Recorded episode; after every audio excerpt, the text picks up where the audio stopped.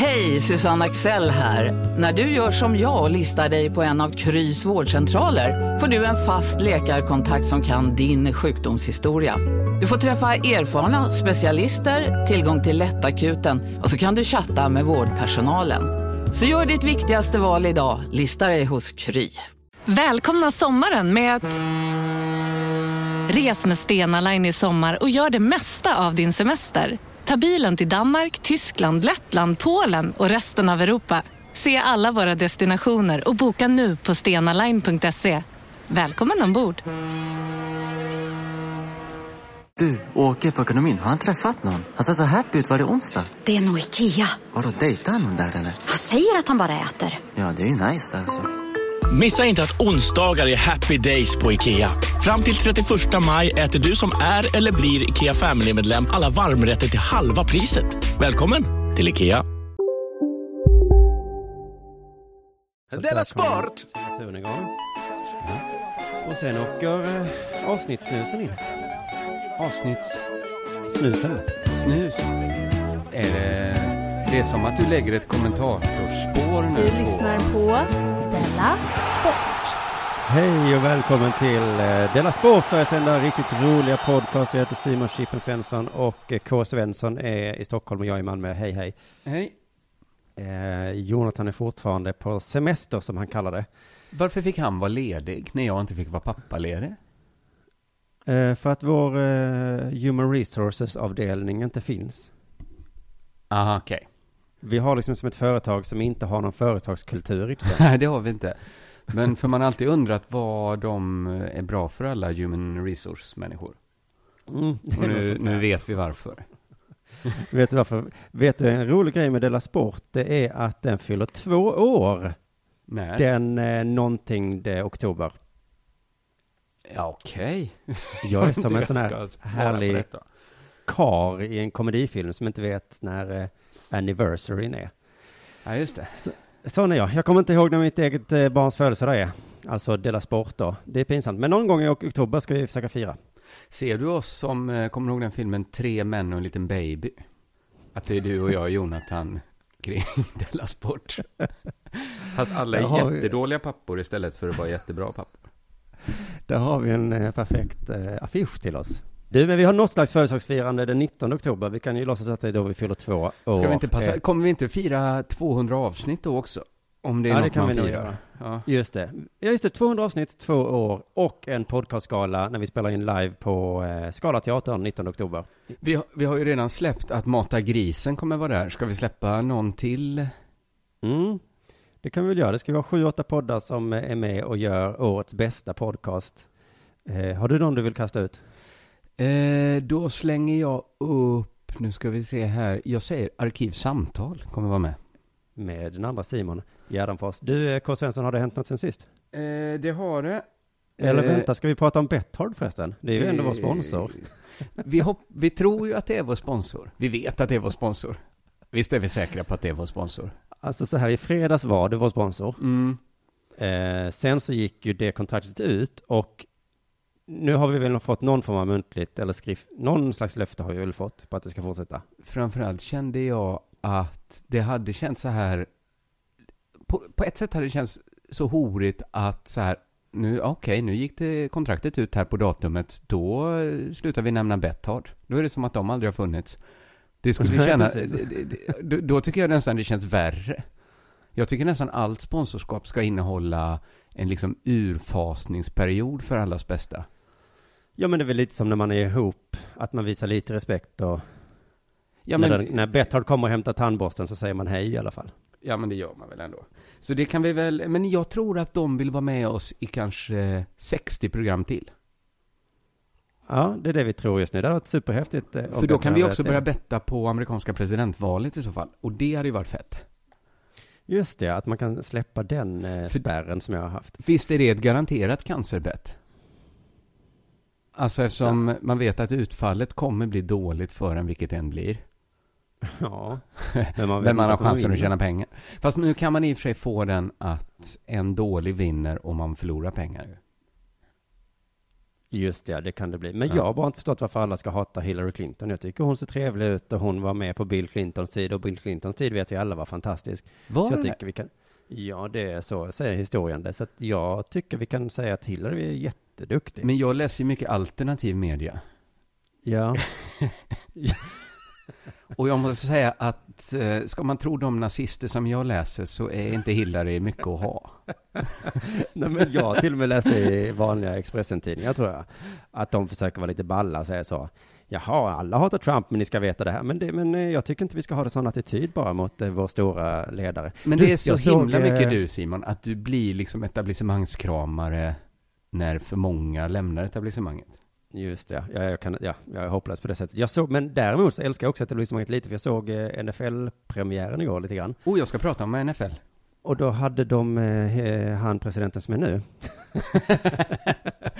Det är han, svarte killen va? Eh, Ja, precis. Barack Obama. Han höll ett tal då för att det var 11 september eh, årsfirande. Mm. Och det var så jävla gött.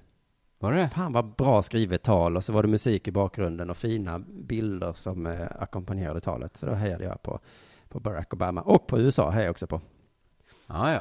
Och på Hillary Clinton då?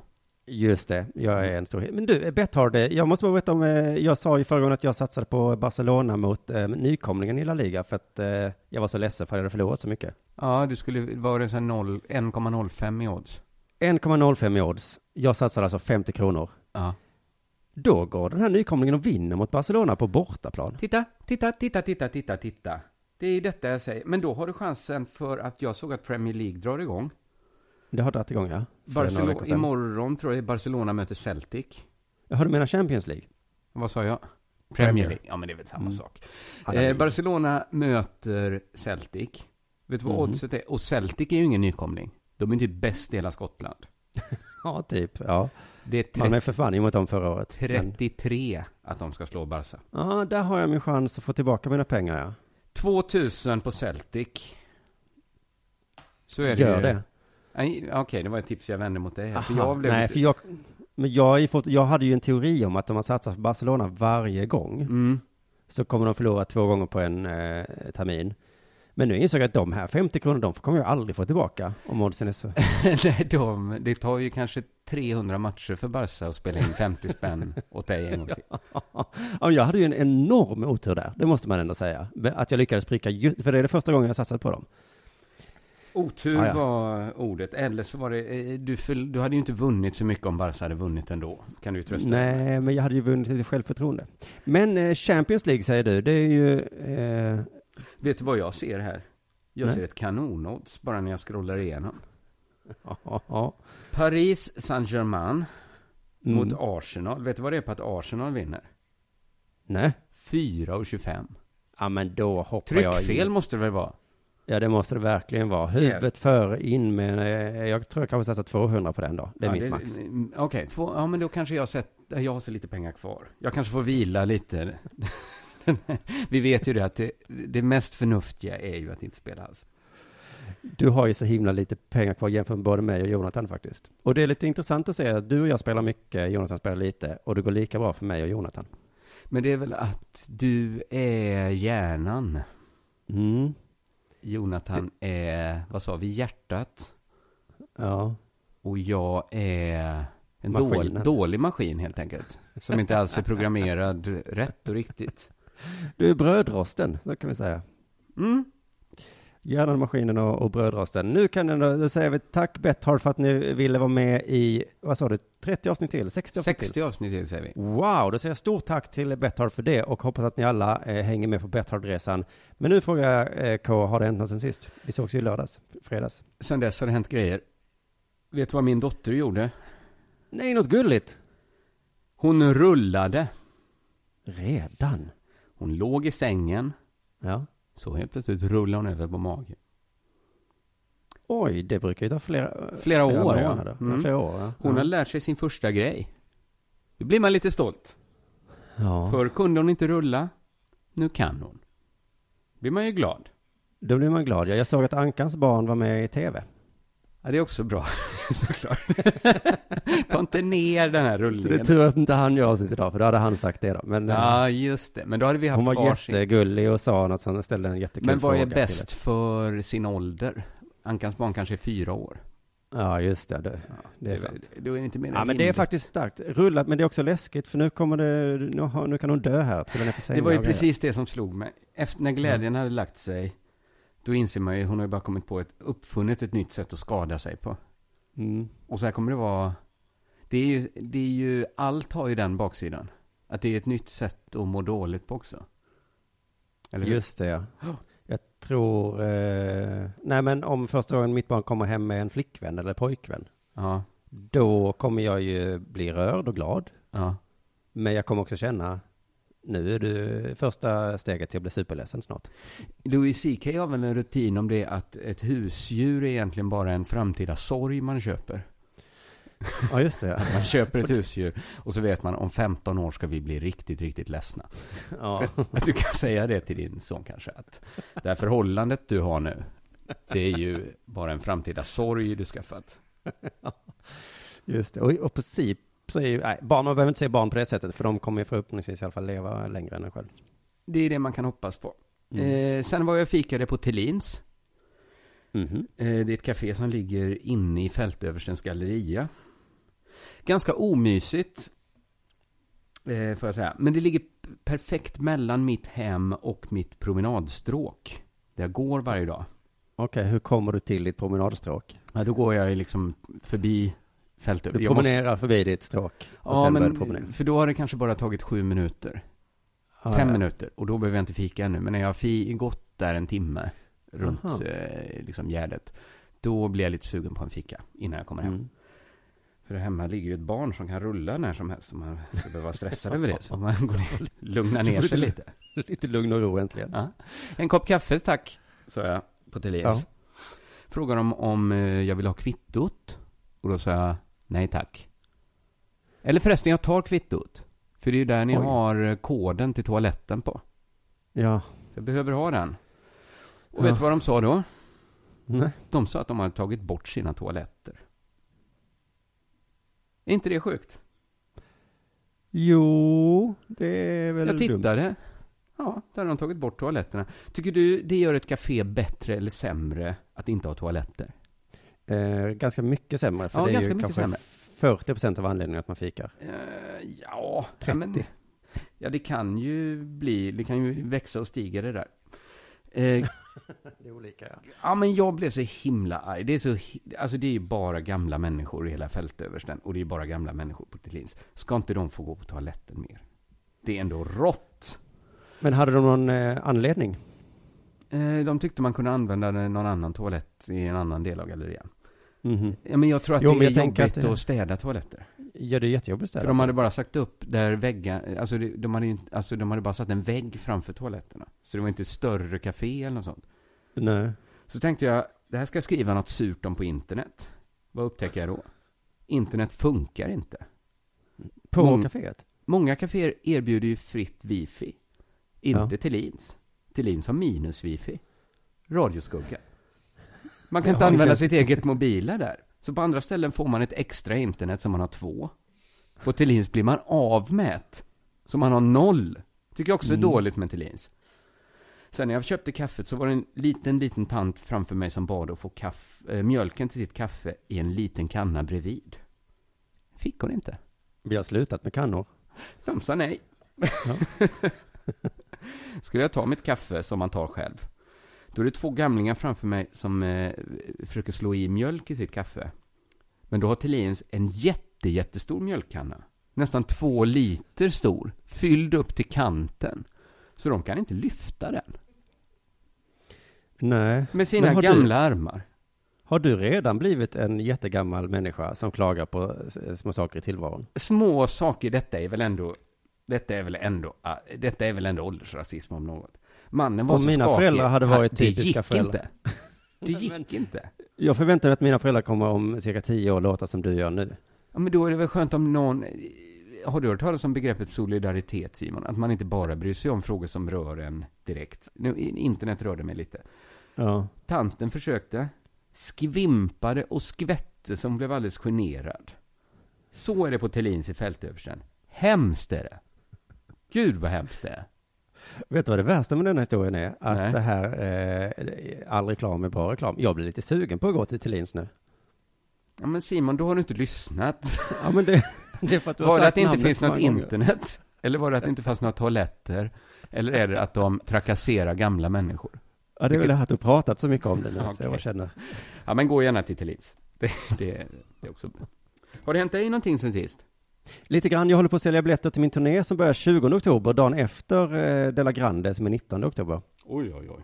Mm. Eh, och då är jag i den här sitsen nu att eh, den föreställningen är typ klar, ungefär. Samtidigt Ja. börjar ju Under jord på onsdag. Just det. Vår ståuppklubb som vi har i Malmö, då ska ju nya skämt skrivas. Så du kommer laborera med två shower samt. Men det är ganska bra, för det här med, det, det gjorde jag när jag spelade föreställning. Då Ja, du- har man ju gjort det, ja. liksom en... eh, jag slutade i och för sig uppträda lite, men, eh, men med att göra andra gig. Men det är ju att man får ju en flygande start på nästa föreställning.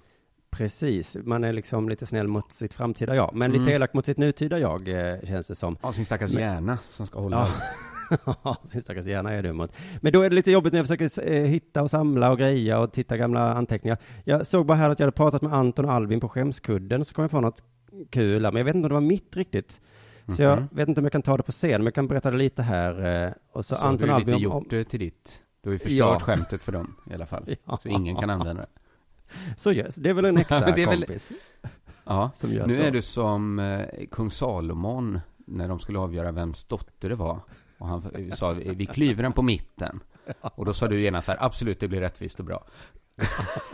så jag tror att det här skämtet tillhör eh, Anton Magnusson alltså. Jag ska börja en annan ände, så det blir mitt på något sätt. Jag läste Sydsvenskan eh, för någon vecka sedan om eh, Migrationsverket.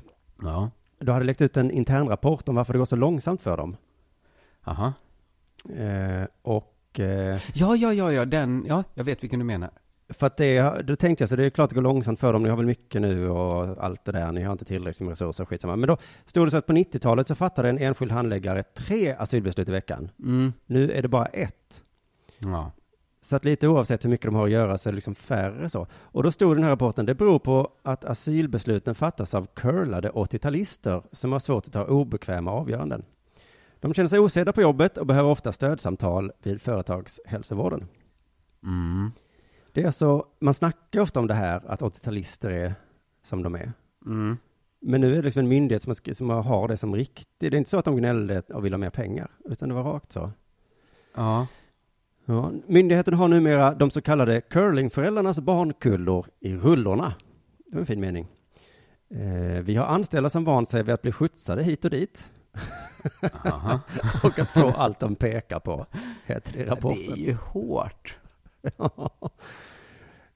de har vant sig att bli skjutsade hit och dit. Eh, Ja, men jag, jag är född på 80-talet och jag blev ju väldigt skjutsad. Ja, det blev faktiskt jag med. Ja. Eh, min pappa hämtade mig i Köpenhamn en gång. ja, det är ju otroligt snällt. Ja. Eh, då ska vi se här, men det är väl inte så himla eh, konstigt ändå. ehm, för, jo, men det, så här är det. det. Det är inte så att de är slöare än sina företrädare. Nähä. Det är inte så att de är lata som man kan skämta om. eh, Och inte så att de surfar bort tiden. Det är bara en kulturskillnad. Att det finns kulturer också i generationer kan ses som kulturer. Ja, precis. Ja. Och det, har, det märkte vi av, vet jag, när vi jobbade på Sveriges Radio. Fast då var det lite tvärtom, har jag för mig. Alltså? Att vi sa ju att gubbarna och tanterna bara vill ha möten och fika hela tiden. Ja, just det. Just det. Och vi satt där och bara skrev och skrev och skrev, vill aldrig ha möten. Vi har inte tid, skrek vi. Mm. Vi var så himla flitiga. Ja, ja. Eh, minns, det kanske var dumt av oss eh, egentligen att jobba så. Men i vilket fall, det var ju skillnad. Och sen på SVT så sa kameragubben, nu är klockan fem, då går jag hem. Och vi Ja. fick ju panik där bara, vi ska ju filma hela natten, vi har inga barn att ta hand om. Ja, Jävla det. gubbar. Mm. Eh, ja, men det är skillnad. Det, Visst men, är det det ändå? ja? Men för, för det kan ju vara så då att de här 80-talisterna inte gillar att ge liksom avvisningsbeslut. Då Så är det de- till exempel. de är- Här är eh, en lista på skillnader. Det är en av Ja. eh, punkterna. Men För jag- först är det, de, ja, säg du först. de vill ha snabba förändringar och att karriären ska gå fort, annars tröttnar de. Aha. Sådana är de du. De tycker inte sig få nog med stöd i arbetet. De Nej. behöver massa stödsamtal och möten. Ja. De sätter inte alltid juridiken i fokus. Ofta lägger de mer vikt vid mänskliga rättigheter. Är inte det juridik? Nej, det är ju bara eh, någon som någon har skrivit ner någon gång. Jo, men det är väl alla lagar, eller? ja, men mänskliga rättigheter är väl ingen lag, va? Nej, vad är det egentligen? Det Men det, man kan ju ändå, det pratas ju ändå om så här asylrätten. Det måste väl ändå vara någon sorts juridisk rättighet folk har? Nej, det är det verkligen inte. Det är bara, alltså vilket land som helst får ju lov att, att bryta mot den. Men det är lite jo, moraliskt. men eh, till exempel när man säger så, du har rätt att få ditt fall prövat. Då, har då menar man väl ändå så här, du har en juridisk rätt. Du har inte en gudomlig rätt. Du, det där får vi ta någon gång, ja. Men jag, men jag Ja. kan ju tänka mig att en svensk juridik kanske ibland står emot eh, mänsklig rättighet. Alltså mänsklig rättighet kan vara nästan vad som helst. Mm. Ja. Sen är det det du sa, det finns handläggare som vägrar fatta avvisningsbeslut eftersom empatin går för långt och beslutsångesten blir dem övermäktig. Mm. Jag kan tänka, Ja, men för, för att innan var man ju så här kritisk mot Migrationsverket, du vet när, ja men kanske när Soran Ismail kom som ny standup-komiker. Då kommer jag ihåg liksom att han skämtade om att de tyckte det var för roligt på jobbet.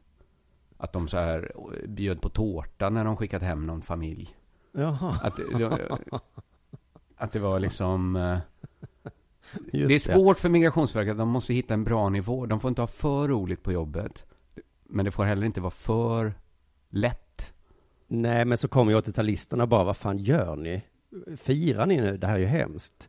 Och så tycker de gamla att eh, det är ju vårt jobb där, vi har gjort vårt jobb. Så blir det en Ja. kulturkrock. Ja, men- 80-talisterna har försvarat sig lite och sagt att det inte är så här, men man hör ju att det stämmer. Jag vet att det stämmer. Jag tycker man ska respektera forskningen. För att när jag läste det här så sa liksom någon så här chef att ja, den här rapporten får vi verkligen, eh, det, det stämmer inte. Så jag gick in och läste rapporten och de hade ju, jag skulle nog inte godkänt en sån metoddel som de, eller de hade ju ändå gjort någon sorts forskning. Man kan väl inte bara gilla forskning när den, eh, när den liksom stämmer överens med det man redan tyckte innan eller? Jag tycker det verkar som att anekdotiska bevis har fått ett uppsving på sistone. Ja, men det var det som var lite grejen med metoddelen som jag minns. Att de hade så här, vi var i Finland och snackade med folk. Vi Ja, var i nu- Malmö och snackade lite. Nu tänker jag använda mig av den metoden, för det är inte bara på olika arbetsplatser som man märker det här, utan även terroristerna är ju lata nu för tiden. Alltså, Förr, vad gjorde de då? sprängde sig. De kapade flygplan. Ja. Planerade i flera månader, tog gisslan, la flera år av sitt liv och lärde sig engelska, flyttade till USA, lärde sig åka flygplan. Ja. Många, många år höll de på. Sam, det här ska vi göra samtidigt, sa de. Vad gör de nu? Nu, Ja, jag hyr väl en lastbil och så kör jag upp för trottoarkanten. Det är så jävla lätt att göra terrordåd. Ja, men det är, till, det är ju till och med, det är ju knappt så att det är han som gjorde det som är terrorist. Han är ju bara ett psykfall som, som blivit liksom preppad. Ja, men hela samhället är ju, är ju uppbyggt så att det är så himla lätt att göra terrordåd. Ja. Så att de gamla, alltså man kan tänka sig den al-Qaida-rapporten som är så, dagens terrorister, de anstränger sig inte. De sitter på YouTube och gör supertråkiga filmer som alla kollar på. De jävla YouTube-terroristerna. Och så får de säga, ni måste jobba hårdare. Och de nya bara, men orka hålla på att lära sig flyga flygplan. Jag köper en kulspruta och går in på en konsert. ja, De är så curlade. de är väl lite curlade, ja. Jag går på fotboll så länge. Va? Vi planerar ju terrordåd här. Ja, jag kan väl skjuta några efter matchen då. Så gör de Det nya. var så himla viktigt. Så man kan ju hoppas att de, eh, precis som våra 80-talister, också börjar få lite empati. Ja, Så att de som vägrar fatta avvisningsbeslut eh, på grund av att empatin går för långt, de terroristerna ser fram emot. Ja, att de snackar skit om så här gamla al-Qaida som firade med tårta efter Ja, 9/11. precis. Så därför har jag tagit beslut nu att min son ska spela, få spela hur mycket dataspel han vill, aldrig göra läxor, för det här Jaså? tror jag är västerlandets räddning. Mer empati. Nej, att bara låta dem bli lata så de inte orkar på, hålla på och förstöra för Alltså det är ju motsvarigheten till att inte spela då. Då just kan man det. i alla fall inte sabba och göra samhället sämre. Nu tror jag det är dags för det här.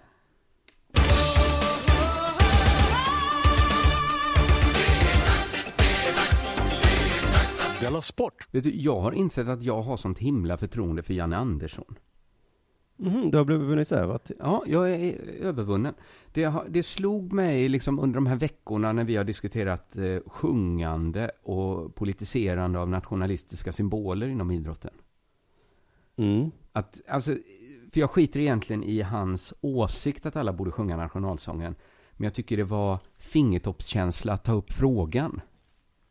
För att det här, det här är ju en stor fråga inom den amerikanska idrotten också.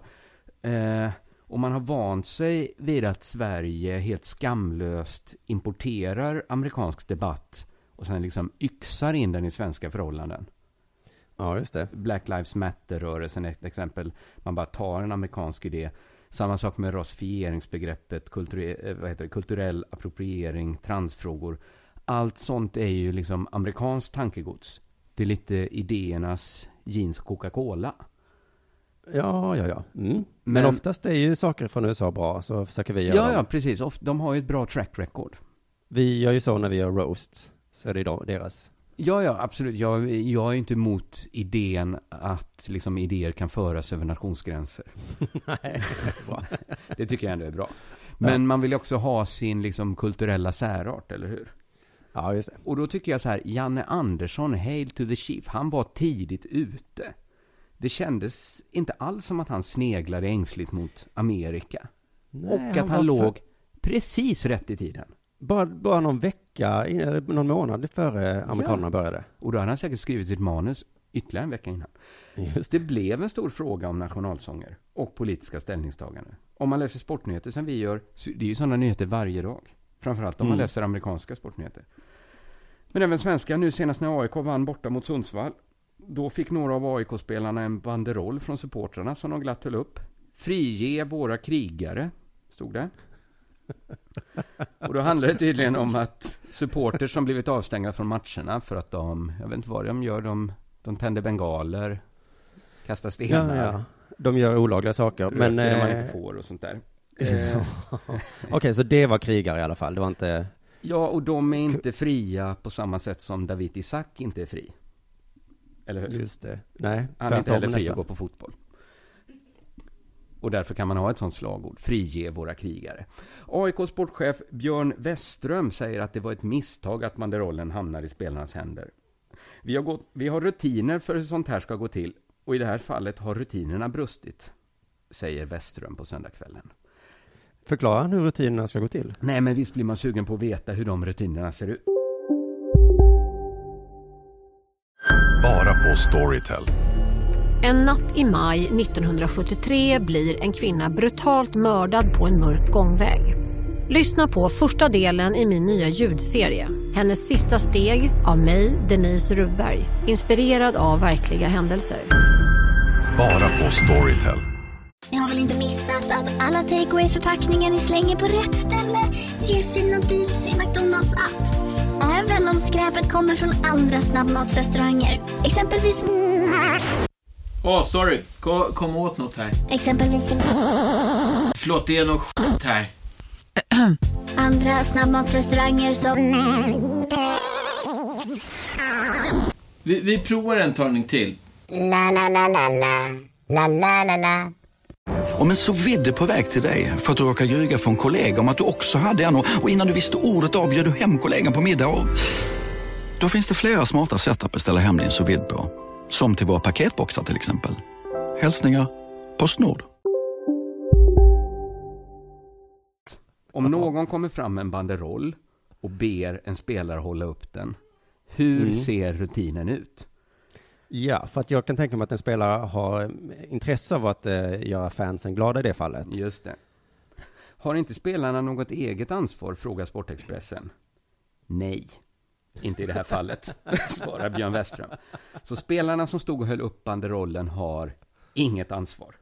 Så rutinen som brustit är alltså inte, om någon kommer fram med en banderoll, ta inte emot den och ställer absolut inte och posera med den framför tidningsfotografer.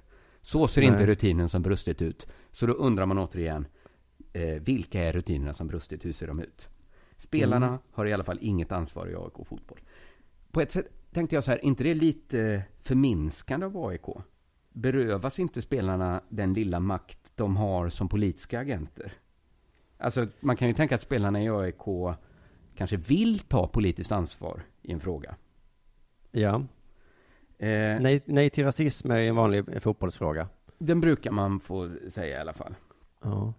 Eller så är det liksom, det kan ju vara så att det är bra det här försöket att separera idrott och politik. För i USA, jag, säga, jag, jag läste runt idag om NFL och det är ju superrörigt. Som det ofta blir när politik diskuteras. Mm. Eh, I söndags körde Kansas City Chiefs och eh, Seattle Seahawks protester där hela lag, de har enats nu om att det här stå med knuten näve eller gå ner på ett knä eller bara vara tyst. Eh, det, det gör inte de två utan nu står liksom hela laget i armkrok under nationalsången och protesterar på det sättet. Så armkrok är det nya eh, knuten näve i luften. Ja, precis. Och det här har ju också lett till kritik. I The Root, som är ett magasin jag inte brukar läsa, skrev Jason Johnson att det är en förelämpning mot Colin Kaepernick i 49ers, du vet han som startade, Som startade det här. Mm. mot polisbrutalitet. Att det här är liksom eh, politisk feghet. Han tycker liksom att det ska vara en separatistisk rörelse som vita ska hålla sig ifrån. Att eh, Seahawks förvandlar Black, Black Lives Matter-rörelsen till en mellanmjölkig All Lives Matter-rörelse. Aha, jaha, så alla, både svarta och vita i- gjorde gemensam sak? Ja, alla gör det nu. För att nu är det nya sl- slagordet är liksom unity. Att vi står tillsammans bakom det här. Medan Mm. Black Lives eh, Matter-rörelsen säger liksom vi skiter väl i unity. Vi är ute efter justice. För det finns en Ja. sån liksom underliggande diskussion där vita politiker och poliser talat om unity. Så här, att nu är det viktigt att vi, det, det här är vi, gör vi tillsammans. Ja, precis. De har ju lite intresse av att, att, att få det att låta så. Ja, att eh, många har väl intresse att det inte ska bli raskrig kanske i och för sig. Johnson skriver att eh, Unity is a slogan for the armchair quarterbacks of activism. Alltså att det är liksom, vad heter det, fåtöljaktivism då. Ja, ja, ja. Men de här Det är armkroks... så svårt sånt här. Ja, det är supersvårt för armkroksdemonstrationerna har såklart kritiserats från andra hållet också. Det fanns de som tyckte att en demonstration mot den amerikanska flaggan var lite too much eh, på 15-årsdagen av 11 september. Eh, Ja, det, det var det jag mest har hört om, ja. David Marcus eh, på The Federalist tar upp frågan om NFL ska liksom tillåta politiska manifestationer alls. För i, i juli ville tydligen Dallas Cowboys hedra de fem poliser som sköts i Dallas genom att ha dekaler på sina hjälmar. Ja. Det fick de då inte. Så lite gör väl NFL någon sorts politisk ställning genom att liksom inte ta eller jag, jag vet, för det, det finns tydligen en regel som säger att NFL inte tillåter spelarna att bära, visa eller sprida budskap genom dekaler, armbindlar, hjälmar eller någon sån här utrustningsgrejer. Om budskapet är politiskt eller hör till någon kampanj eller upprop eller sånt där. Mm. Förutom i oktober såklart, när NFL uppmärksammar bröstcancer och delar ut rosa grejer som spelarna ska ha på sig. Då är det okej. Så att det är ganska rörigt det här att ta ställning ibland och ibland inte. Ja. Och det gör ju en ännu mer sugen på att få veta hur rutinerna ser ut i AIK. Om de har knäckt något som NFL inte har knäckt. För att NFL verkar inte ha några rutiner. Det är liksom eh, po- skjutna poliser, nej, det är nej. Bröstcancer, absolut. Eh, eh, flaggan är rasistisk, okej.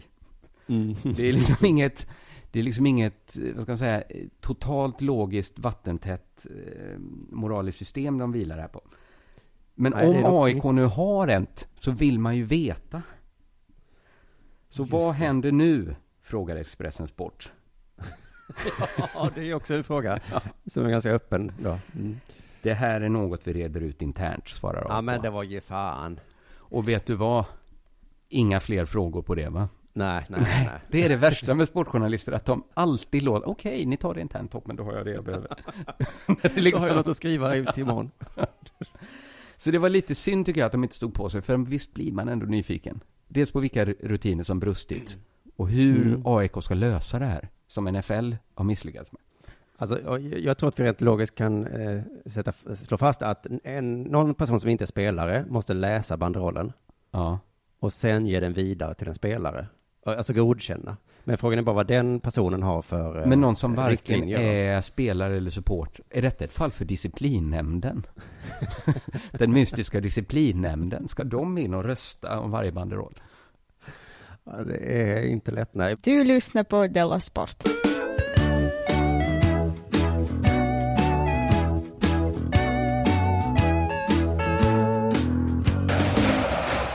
Jag var i Stockholm över helgen eh, och hälsade på dig, så det var ju typiskt då att det var VM i Malmö samtidigt. Var det? Ja, så missade jag det. Det var VM i eh, dragkamp, Okej. Som jag då skulle säga är nog den dummaste sporten som finns. Det är ju, det är ju lite för nära så rida på mekanisk tjur, va? För att känna som en riktig, det är, det är mer en teambildande aktivitet känns det. Ja, just det. Här är ett rep, dra i varsin ände. Det, Samtidigt känns det som en sån sport som skulle kunna ha varit med i den första olympiaden. Alltså det, den känns ju väldigt klassisk på ett sätt. Ja, det är väldigt ursport på det sättet, ja. Men det är ju, de flesta sporterna försöker hitta på någonting, att det har med taktik att göra. Ja, Till och med någon som stöter kula säger så. Jag har jobbat mycket på tekniken. ja just det. Men här tycker jag inte det verkar vara så. Alltså, nu gissar jag, men jag tror inte ens någon som håller på tycker det är kul. Alltså det är ju att dra ett rep då. Ja, det är ett bra tre. Vi Men kan, så blir ju alla sporter tråkiga om man dekonstruerar dem. Jo, men vi kan lyssna på eh, eh, vinnaren då i Brunsby, hette laget. Jaha. Var med i en intervju, fick frågan hur det känns. Och då undrar Mm. jag om det är bara jag som hör lögnen här. Allt kändes så fruktansvärt otroligt härligt. Vi verkligen slet för eh, den finalen. Fruktansvärt otroligt härligt. Ja, det låter inte som hon tycker det är härligt. Nej. Allt är så härligt. Du kan vara ärlig och säga som det är. Det känns som det kvittar. Vi drog i ett rep, de drog i Mm. rep. Vi drog lite hårdare då, så, så var det ungefär. väldigt få människor som brydde sig om att vi drog ett rep. Nej, alltså hälften av vårt lag brydde sig inte. De var liksom bara, någon stod i mitten där. Någon var lite. någon som bara gick förbi. Men det är inte lätt att intervjua en dragkampare för man är ju så ointresserad. P4 gör ett eh, försök i alla fall. Mm. Hur kommer det sig att det gick så bra då, tror du? Vi har ren kraft och vilja och vi är så otroligt, otroligt starka när vi väl vill. Mm. Mm, Alltså ja. hon försöker inte ens här hitta på någon taktiksnack eller någonting. Nej, nej, nej. Hur blev det så här? Ja, vi är starka. Nej, vi så, vill. När vi vill, då är vi starka. Så. Mm. så det är ju så. Vad ställer man mer för fråga, tror du? Jag du skulle får ställa gissa. frågan, eh, hur kom det sig att ni ville så mycket idag då? Ja, med tanke på att ingen bryr sig. Nej, eh, istället så ställs den här frågan. Hur mår man i händerna efter en VM-helg i Malmö? Mm. Hur mår man i händerna? Det är lite så här curlande. Ja, det är det. Det är inte så man frågar en fotbollsspelare. Hur, hur, hur mår man i fötterna efter att ha sprungit så här? Hur känns det i tassarna? Det är lite... Jag gissar att man får lite ont, eh, men vi kan höra vad hon svarar. När man har tagit av sig eh, all tejp som man får eh, sätta på sig så ser man ju stora skinn, skinnlappar som är borta men Nej. det, ja då, det svider över. Det svider över. Men det, det är stora skinnlappar. För jag tänker Ja. att om man skulle ta bort en stor skinnlapp ur handflatan Mm. så är det ju all hud på handflatan nästan va? Ja, och det är en stor lapp. men där var det många stora lappar, ja. Usch. Ja, det är var det värt äckligt det? Skulle ju eh, frågan kunna vara. Mm. Eh, men det blir det inte, utan eh, det blir den vanligaste segerfrågan. Mm. Vet du vilken det är? Hur känns det? Nej, Hur ska ni den fira? har vi redan ställt. Hur ska du fira? Ja, ja, precis. ja, ja. Hur har ni firat då? Fin betoning på den. Ja, har ni firat då? Nästan lite anklagande, för det var ju bara att ni drog i ett rep. Ja. Men det är ju det enda som är riktigt intressant, tycker jag, efter någon har vunnit någonting. Hur var festen? Var det ball? Var ni uppe länge? Mm. Var det någon som spårade? Hände något? Var det någon som spydde? Var det häftigt? Ja, Vi ja. kan väl se då eh, hur de firade. Vi har sovit på en buss från Malmö och vi har precis nu kommit hem i Brunnsberg och packat ur bussen. Ja, sådär. Så det, ja, det var inte firande riktigt hon beskrev där. Hon avslöjar också att de inte la pengar på en hotellnatt. VM-guld, VM-guld, nu åker vi hemma. Lång resa hem till Dalarna. Eh, Men Ja. så var det, det var inte så mycket att fira där. De hade dragit ett rep då. Men jag var lite orättvis, jag klippte faktiskt bort firande, firandet, Eh, det kommer eh, efteråt här. Och är väl mottagna med ballonger och lite champagne på trappen här. Så att det är... Ja, vi är lyckliga. det hörs. Där kom det igen. Men jag tycker du är för task, mest orättvis när du säger att det bara är att dra ett rep. Det är ju som att kalla golf, bara slå på en boll eller fotboll, bara springa på en plan. Ja, lite orättvis är jag kanske, men hon själv verkar inte tycka att det är Nej, nej. mycket mer. Så att, eh, och sen också egentligen så är det kanske, eh, är det jag som är dum för jag blir avundsjuk egentligen här. Det är jag som har så höga krav på livet. Ja. Tänk att bli lycklig av att dra i ett rep, sova på en buss, få en ballong. Där är någon som hittat meningen med livet tror jag. Ja, så när jag fyller 40 i vinter, K, då önskar jag mig en lång bussresa, Ja, en ballong en ballong. och lite champagne. Lite champagne. Sen kommer jag tacka, tacka livet helt enkelt. Ja, då, det är lite zenbuddhistiskt skulle jag säga av dig. Ja, jag ska bli mer som dem. Della Sport. Du, jag tänkte införa en ny punkt i Della Sport. Jag tror inte den Oj. blir så långlivad för det blir inte så kul. Men eh, jag, tänk, jag tänkte, jag, jag blev så glad när jag kom på den. En punkt som heter Vi lär oss av historien. Där vi backar bandet och ser hur det var förr. Ja, det är vanligt i sportens värld. Jag tänker, ja ofta är det ju så att eh, för, för, för 50 år sedan förlor, eller liksom, de, de har ju den här skrockgrejen inom sport. Ja, det är en stor match, fotbollsmatch för Malmö idag. MFF ska möta IFK Göteborg och 99 procent av artiklarna handlar om hur det har gått tidigare. Ja, så här matcher från 30-talet och sånt. Ja. Och så låtsas man att det är så viktigt nu. Mm. Eh, jag tänkte vi skulle backa till den 12 april 2009. Och en krönika om sociala medier som Mats Olsson på Expressen Sport eh, skrev. Ja, men det är ju spännande. Hur Ja, upplevde man sociala medier på den tiden? Precis, Twitter och bloggar och sådana grejer. Han skriver så här om Twitter. Ibland passeras ju en gräns. Ibland blir man bara så in i helvete förbannad. Det var stora bokstäver där, så jag fick eh, gestalta. Ja. Hade jag stött på en mediaprofil en viss kväll när han spred ut var jag befann mig, så säg så här. Han kan twittra, kvittra, tjattra, fnattra och knattra bäst fan han vill för att impa på småbrudar. Men han ska ge fan i mig, mitt liv, min familj och mina vänner. Och hade jag stött på honom hade jag kört ner hans glasögon i halsen på honom. Eller åtminstone hotat med det. Om det gör mig till en dålig människa, till en kriminell, så tar jag det. Då tar du det. Mm. det. Så här gick det till 2009. Mediaprofilen var Aftonbladets Fredrik Virtanen. Det var han som Jaha. Mats Olsson ville köra ner glasögonen i halsen på. Och det sitter ju i. Det är många, många som vill göra det. Ja, det, det, nu är det många fler. Ja. Varför ville Olsson köra ner glasögonen i halsen på Virtanen? Det var ett tweet. Det var en, det var en tweet alltså? Det var Oj, en oj. tweet som Virtanen hade skrivit.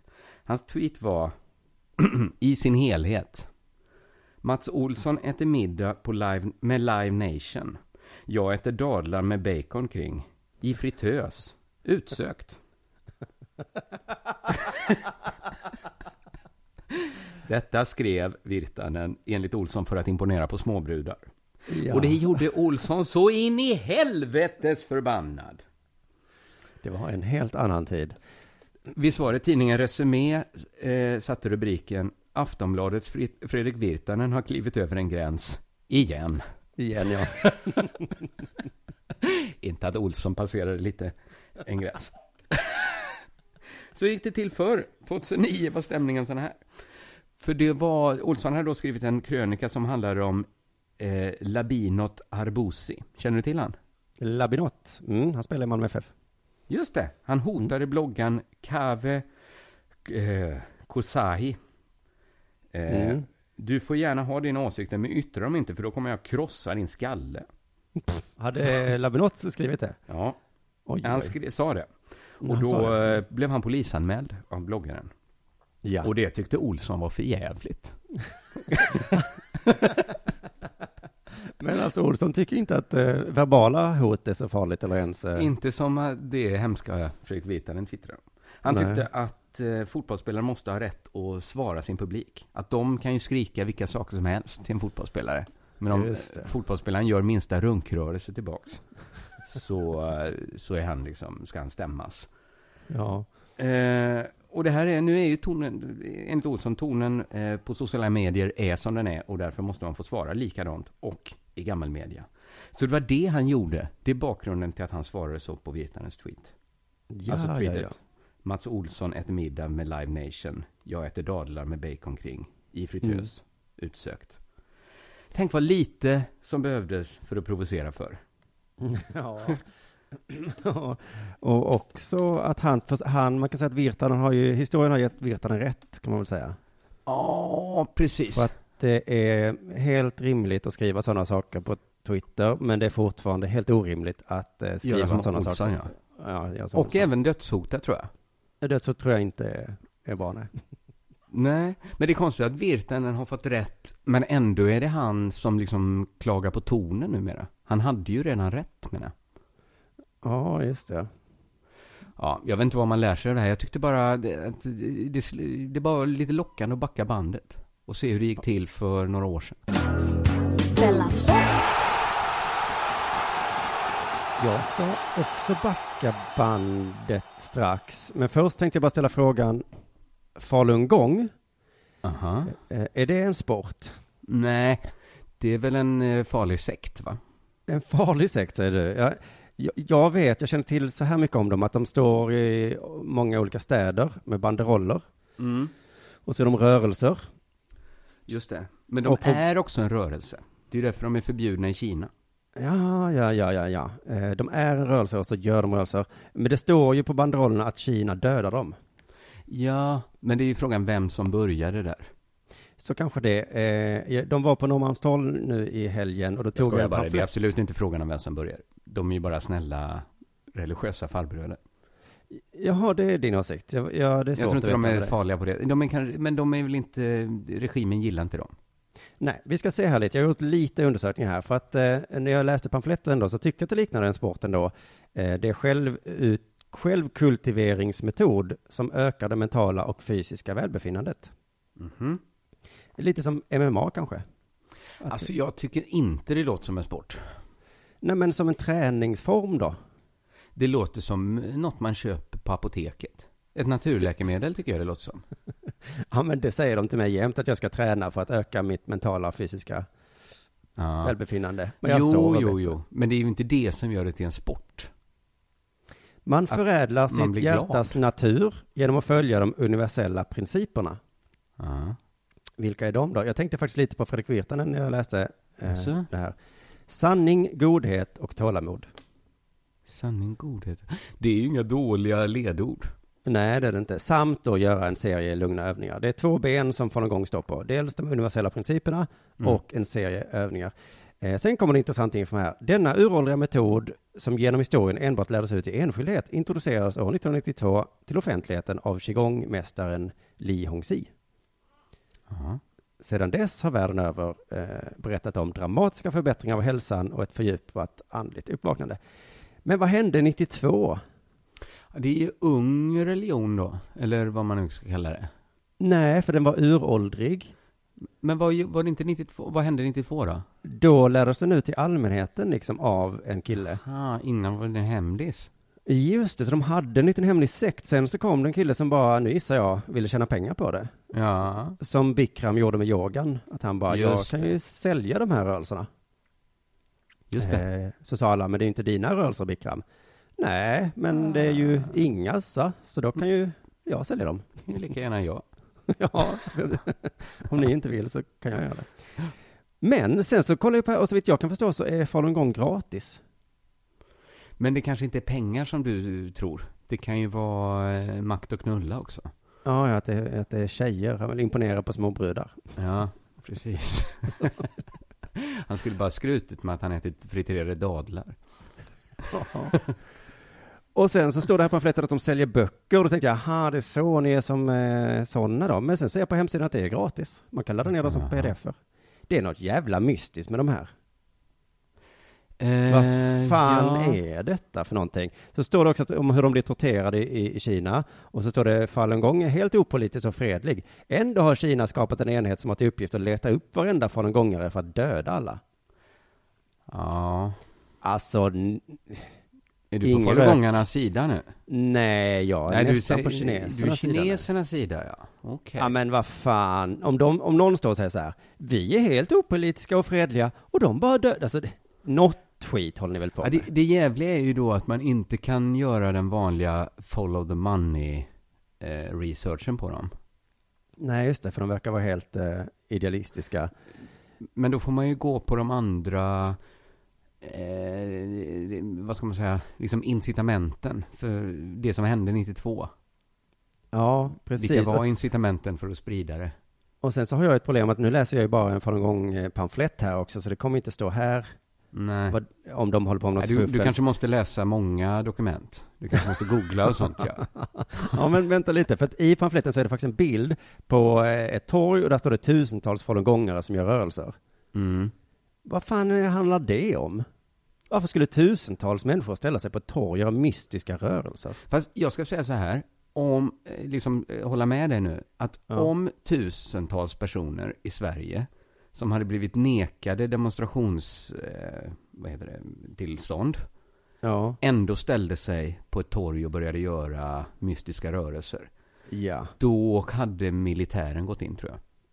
Ja, men till slut hade nog någon gjort någonting. Det kanske det kineserna bara, men vad fan är detta? För jag håller ju på med yoga, men jag går ju inte ut i, i grupp om flera tusen och håller på.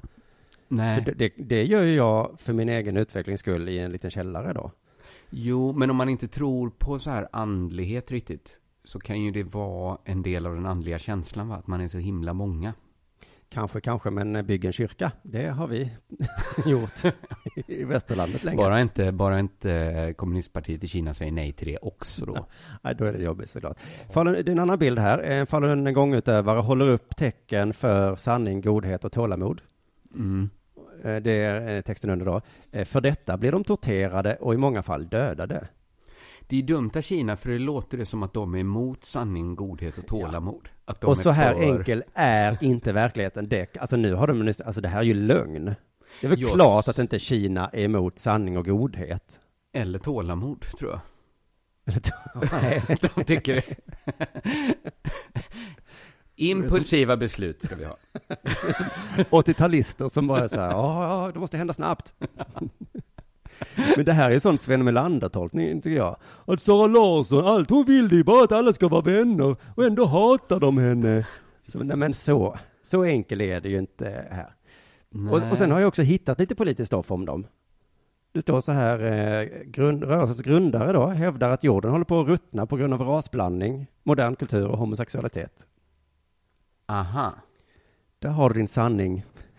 Det är ofta så med de här att de klarar sällan bögtestet, de här rörelserna. Hur fredliga de än verkar vara, så klarar de aldrig bögtestet. Nej, så kan man tro att det kanske, han var en gammal kines, men det är en svensk som håller på som heter Peter Schiller som jobbar på något mediegymnasium här i Malmö. Ja. Han hävdar att homosexualitet beror på att någonting är ouppklarat och att homosexuella personer kan bli heterosexuella genom att komma till insikt. Mm. En annan eh, säger att eh, utomjordingar styr vetenskapsmännen på jorden. Eh, jaha. Det är ju något jävla mystiskt med dem. Ja, det är ju något mystiskt, ja. ja.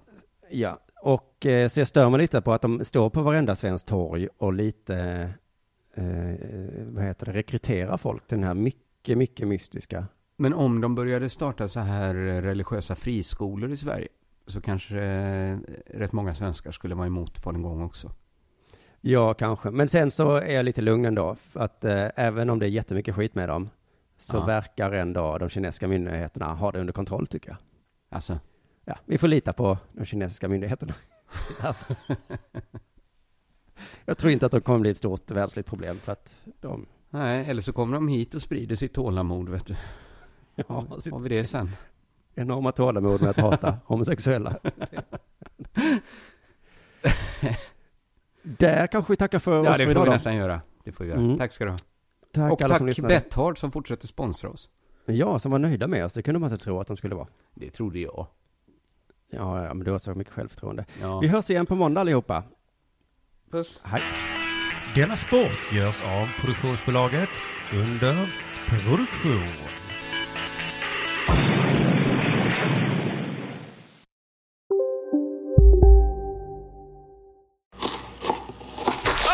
Dåliga vibrationer är att skära av sig tummen i köket.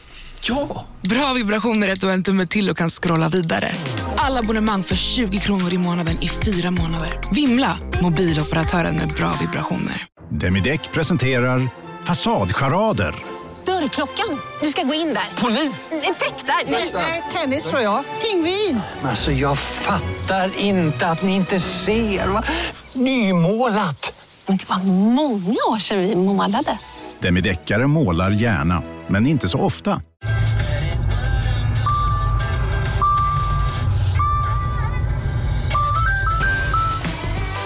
Dags att fylla på tanken. Stanna på Circle K så får du 50 öre rabatt per liter på dina tre första tankningar när du blir medlem. Vi ses på Circle K i sommar.